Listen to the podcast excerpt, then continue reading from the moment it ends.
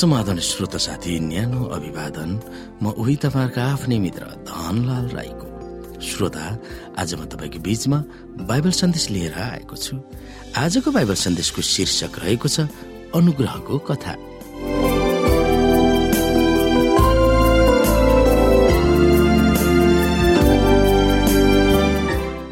श्रोत साथी तीन स्वर्गदूतहरूको सन्देश यथार्थमा अनुग्रहको कथा हो। मुक्तिदाताको अपार प्रेम ती सन्देशहरूमा बुनिएको छ।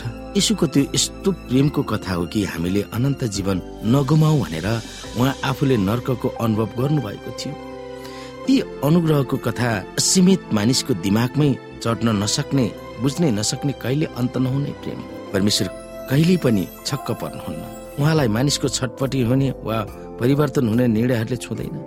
हामीले हेर्यौँ कि हामीलाई पापबाट उद्धार गर्ने योजना पापको भयानक शिर उठाएपछि बनाउन बाध्य भएको होइन। पापको नराम्रो नाटकबाट उहाँ अचम्मित हुनुभएको थिएन। मुक्तिको बारेमा हामी विभिन्न पदहरू हेर्न सक्छौँ बाइबलमा। हामीलाई त्यसले के सिकाउँछ? पृथ्वीमा बास गर्ने सबैले त्यस पशुको पूजा गर्नेछन्। अर्थात् तिनीहरूले जसको नाउँ संसारको सृष्टिदेखि नै मारिनुभएका थुमाको जीवनको पुस्तकमा लेखिएको छैन। र पक्ष नगरी मानिसको काम अनुसार इन्साफ गर्नुहुनेलाई पिता भनी पुकारा गर्छौ भने तिनीहरूका प्रवासको सम्पूर्ण समय डरसँग बिताओ। तिमीहरू जान्दछौ कि आफ्ना पिता पुर्खाबाट आएका व्यर्थका कुराहरूदेखि सुन वा चाँदी जस्ता नासुने थोकहरूद्वारा दाम तिरी तिमीहरू छुट्याएका होइनौ। तर निष्कोट र निष्कलङ्क थुमाको जस्तो ख्रिसको अनमोल रगतद्वारा दाम तिरी छुटाइएका हो। उहाँ सृष्टिभन्दा अगाडिदेखि नै नियुक्त हुनुभएको थियो। तर तिमीहरूका खातिर समयको अन्त्यमा प्रकट हुनुभयो। उहाँद्वारा परमेश्वरमाथि तिमीहरूको भरोसा छ जसले ख्रिस्टलाई मृतकबाट जीवित पारेर महिमा दिनुभयो ताकि तिनीहरूको विश्वास र आशा परमेश्वरमा रहोस्। श्रोता साथी यसै गरी हामी प्रकाशको पुस्तक चौध अध्यायको छमा उल्लेखित अनन्तको सुसमाचार भन्ने वाक्यले विगतको वर्तमान र भविष्यको बारेमा के बोल्दछ त्यो पनि बुझ्न सक्छौ। जब परमेश्वरले मानिसलाई नैतिक निर्णय गर्ने क्षमता दिएर सृष्टि गर्नुभयो तब मानिसहरूले गलत निर्णयहरू गर्नेछन् भन्ने उहाँले अपेक्षा गर्नुभएको थियो।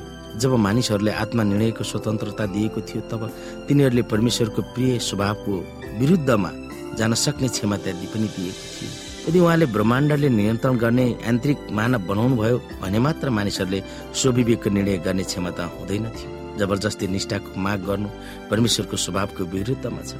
प्रेम गर्न निर्णय चाहिन्छ। जब आत्मा निर्णयको स्वतन्त्रता दियो तब गलत निर्णय गर्ने सम्भाव्यता पनि त्यतिखेर थियो। त्यसकारण हाम्रो पहिला पुर्खाहरूले अदनको बगैँचामा विद्रोह गर्नुभन्दा अघि नै मुक्तिको योजना परमेश्वरको दिमागमा उब्जिसकेको थियो। मुक्तिको योजना पछि सोचिएको थिएन न त आदमको पतनपछि बनाइएको थियो। यो त्यस रहस्यको प्रकाश थियो जुन युगौं युगदेखि गुप्त रहेको थियो। यो उघारिएको नीति थियो जुन युगौं युगदेखि वा परमेश्वरको सिंहासनको जग बसालिएको देखि नै थियो। अनन्तको सुसमाचार केवल विगत र वर्तमानमा मात्र होइन तर भविष्यको आशाको आधार पनि हो। यसले त्यस परमेश्वरसँग सदा सर्वदा हामी रहेको चाहनुहुन्छ जो हामीसँग सधैँ रहोस् भनेर आफ्नो हृदय दुखाइरहनुहुन्छ। हामीले एफिसी एक अध्यायको चारमा भनेको कुरालाई हेर्यौँ भने उहाँको सामान्य पवित्र र निष्कलङ्क हौ भनेर संसारको उत्पत्ति भन्दा अघिबाटै उहाँले हामीलाई चुन्नुभयो। तपाईँले मुक्ति पाउन् भनेर संसारको उत्पत्ति भन्दा अघि नै ख्रिस्टले तपाईँलाई चुन्नु भएको थियो। त्यसको अर्थ के हो? त्यो सत्य किन हौसलाप्रद छ? ती कुरामा हामी विचार गर्न सक्दछौ कि श्रोता हामीलाई परमेश्वरले असल र खराब छुट्याउने चेतना पनि प्रदान गर्नुभयो। उहाँले मानिसलाई सृष्टि गर्नुभन्दा अघि नै थाहा थियो कि मानिसलाई निर्णय गर्ने छुट्याउन सक्ने शक्ति उहाँले प्रदान गर्नुभएको थियो। ताकि मानिसहरूले खराब पनि रोच्न सक्छन् भन्ने विवेकको निर्णय पनि उहाँले दिनुभएको थियो। र उहाँले हामीलाई उहाँको सामान्यमा निष्कलङ्क भएर आउन् भन्ने उहाँको अचुक इच्छा रहेको हामी पाउन सक्छौँ बाइबलमा। हामीले सही निर्णय गरोस् भन्ने उहाँको चाहना छ।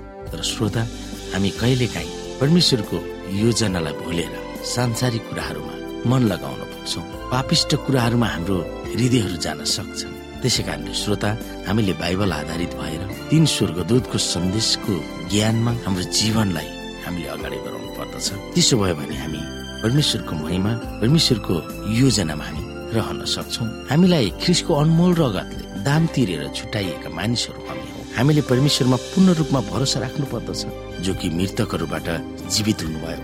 त्यो कुरामा हामी विश्वास गर्नुपर्दछ। र हाम्रो विश्वास आशा परमेश्वरमा रहनु पर्दछ र हामीलाई यी कुरा जानकारी हुनुपर्दछ कि हामीले उहाँले कुनै पनि पक्षपात नगरिकन हामीले गर्ने काम अनुसार हामीलाई उहाँले सम्पूर्ण व्यवस्था मिलाउनु भएको छ।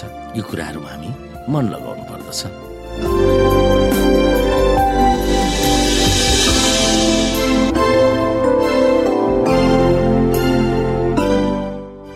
श्रोता साथी आजको लागि बाइबल सन्देश यति नै।